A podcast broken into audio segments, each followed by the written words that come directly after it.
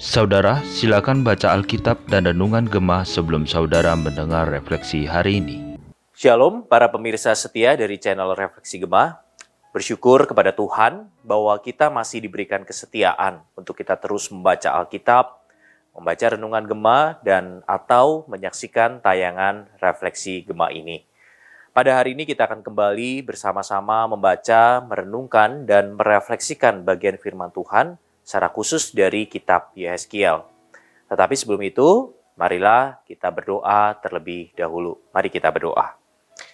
Tuhan Allah Bapa kami sungguh bersyukur atas kebaikan Tuhan di dalam kehidupan kami, sehingga di dalam kebaikan Tuhan itu kami boleh ada sebagaimana kami ada pada hari ini. Dan saat ini Tuhan kami mau membaca, merenungkan, dan merefleksikan akan satu bagian dari firman Tuhan. Biarlah Tuhan tolong setiap kami untuk kami boleh mengerti, memahami, dan mengaplikasikan firman Tuhan ini di dalam kehidupan setiap kami.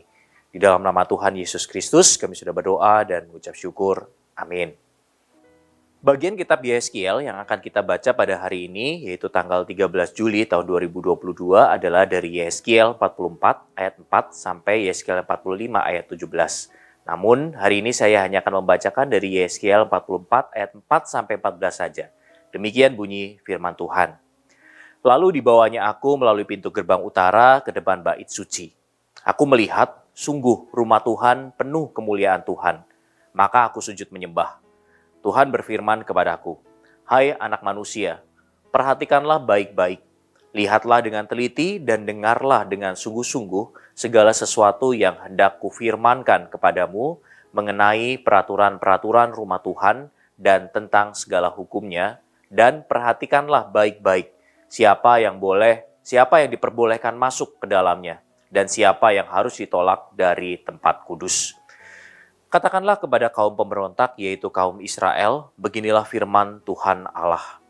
Cukuplah perbuatan-perbuatanmu yang keji itu, hai kaum Israel, yang membiarkan orang-orang asing, yaitu orang-orang yang tidak bersunat hatinya maupun dagingnya, masuk dalam tempat kudusku, dan dengan kehadirannya mereka menajiskannya waktu kamu mempersembahkan santapanku, yaitu lemak dan darah.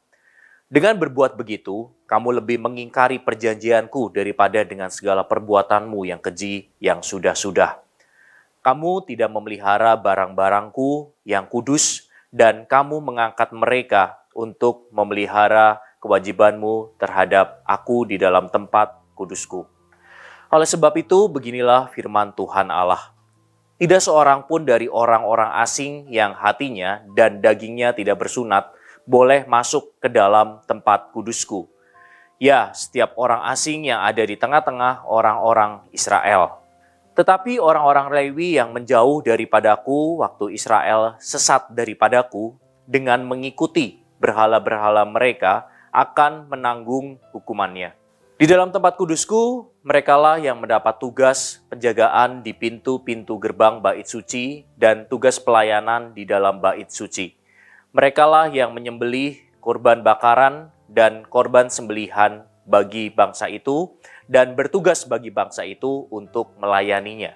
Oleh karena mereka telah melayani bangsa itu di hadapan berhala-berhala mereka, dan mereka bagi kaum Israel telah menjadi batu sandungan yang menjatuhkannya ke dalam kesalahan. Oleh karena itu aku bersumpah mengenai mereka.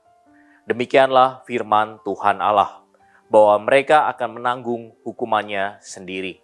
Mereka tidak akan mendekati aku untuk melaksanakan tugas imam di hadapanku, ataupun mendekati segala barangku yang kudus, atau persembahan-persembahan maha kudus mereka akan menanggung nodanya yang timbul karena perbuatan-perbuatan mereka yang keji. Aku menetapkan mereka untuk bertugas di bait suci dan melakukan segala pelayanan yang berhubungan dengan itu dan melakukan segala sesuatu yang perlu di situ. Jemaat Tuhan yang terkasih, pada tahun 1938, ada seorang anak laki-laki di Queensland, Australia yang membawa pulang sebuah batu berwarna kusam yang ditemukannya tergeletak di lereng bukit. Keluarga ini memutuskan untuk menggunakan batu itu untuk palang pintu tempat mereka tinggal selama 10 tahun. Kemudian, seorang pembuat perhiasan yang mengenali nilai batu itu membelinya lalu memolesnya sehingga dikenal sebagai bintang hitam Queensland. Batu safir bintang terbesar di dunia sebelum ditemukannya batu safir bintang Adam yang ukurannya lebih besar. Batu bintang itu sekarang dipasang di atas emas putih dengan 35 berlian di sekeliling tepi bintangnya. Safir 7, 733 karat in, uh, atau sebesar 146,6 gram ini dianggap sebagai salah satu permata terindah di dunia. Walaupun batu permata di atas ini sangat menakjubkan, tetapi kemuliaan Tuhan jauh lebih luar biasa. Dalam Yeskiel 44 ayat 1 sampai 4 dicatat tentang dua hal tentang kemuliaan Tuhan yang luar biasa ini. Yang pertama, adalah tentang perintah ditutupnya pintu gerbang timur. Alasan ditutupnya gerbang ini adalah karena setelah kemuliaan Tuhan melewati gerbang timur, gerbang itu menjadi suci, sehingga tidak boleh menjadi jalan umum dan akan ditutup. Jemaat bisa membaca di pasal 44 ayat yang pertama sampai dengan ketiga. Lalu kemuliaan yang kedua, ditunjukkan dengan tersungkurnya Nabi Yeskiel karena menyaksikan kemuliaan Tuhan yang memenuhi bait suci yang baru di ayat yang keempat. Kemuliaan Tuhan yang luar biasa inilah yang mendasari perintah Tuhan di ayat yang kelima sampai dengan ayat yang kesembilan. Ketidaktaatan yang mencemari perjanjian, misalnya membawa orang asing yang tidak bersurat hati dan daging ke dalam bait suci, tidak akan ditoleransi. Karena apa? Karena sunat adalah simbol fisik dan simbol spiritualitas dari keanggotaan Israel. Dan kemuliaan Tuhan tercemari dengan hal ini. Oleh karena itulah Tuhan juga memberi petunjuk bagi orang Lewi dan imam dalam tatanan ibadah baru untuk menekankan perlunya hati yang murni saat datang ke hadirat Allah. Para pemimpin agama harus mengajar umat tentang perbedaan antara yang kudus dan yang tidak kudus, antara yang najis dan yang tidak dan yang tahir. Mereka harus memberi contoh yang baik dan model hidup yang suci. Dalam segala hal, mereka harus bertindak dengan integritas yang cermat dan komitmen pada kebenaran raja atau penguasa tidak boleh mengulang eksploitasi dan ketidakadilan yang membangkitkan hukuman Tuhan. Para pemimpin diperintahkan untuk melindungi hak milik semua warga negara dan mereka diingatkan bahwa sebenarnya tanah adalah milik Tuhan. Jemaat Tuhan yang terkasih, pesan dari firman hari ini tentu saja bukanlah tentang hal yang harafiah boleh atau tidak membawa orang tidak bersunat ke gereja sama seperti bait suci tidak menunjuk pada bangunan, tetapi menunjuk pada semua orang percaya. Demikian pula ketika berbicara tentang imam, bukan hanya berbicara tentang beberapa orang terpilih, tetapi setiap kita sebagai semua orang percaya. Kita masing-masing bertanggung jawab untuk memupuk kebenaran dan kemurnian dalam setiap bidang kehidupan kita. Saat ini pertanyaannya, apa yang Anda bisa lakukan sebagai tanggung jawab Anda untuk menghormati kekudusan Tuhan?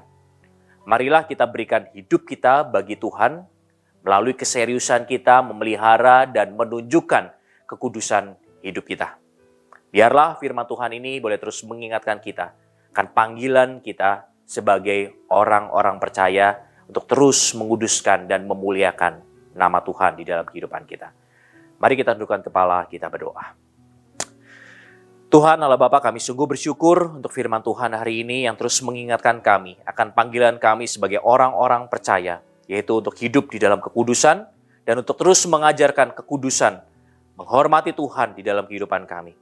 Tolong kami untuk kami boleh terus hidup sebagai orang-orang percaya, untuk terus hidup di dalam kekudusan, untuk terus hidup mengajarkan akan kekudusan ini kepada orang-orang di sekitar kami. Supaya nama Tuhan boleh terus dipermuliakan melalui setiap bidang kehidupan kami. Terima kasih Tuhan untuk firman-Mu hari ini. Kami mau menyerahkan untuk sepanjang hari ini ke dalam tangan Tuhan. Biarlah Tuhan yang terus memakai setiap kami menjadi berkat bagi orang-orang di sekitar kami. Di dalam nama Tuhan Yesus Kristus, kami sudah berdoa dan mengucap syukur. Amin.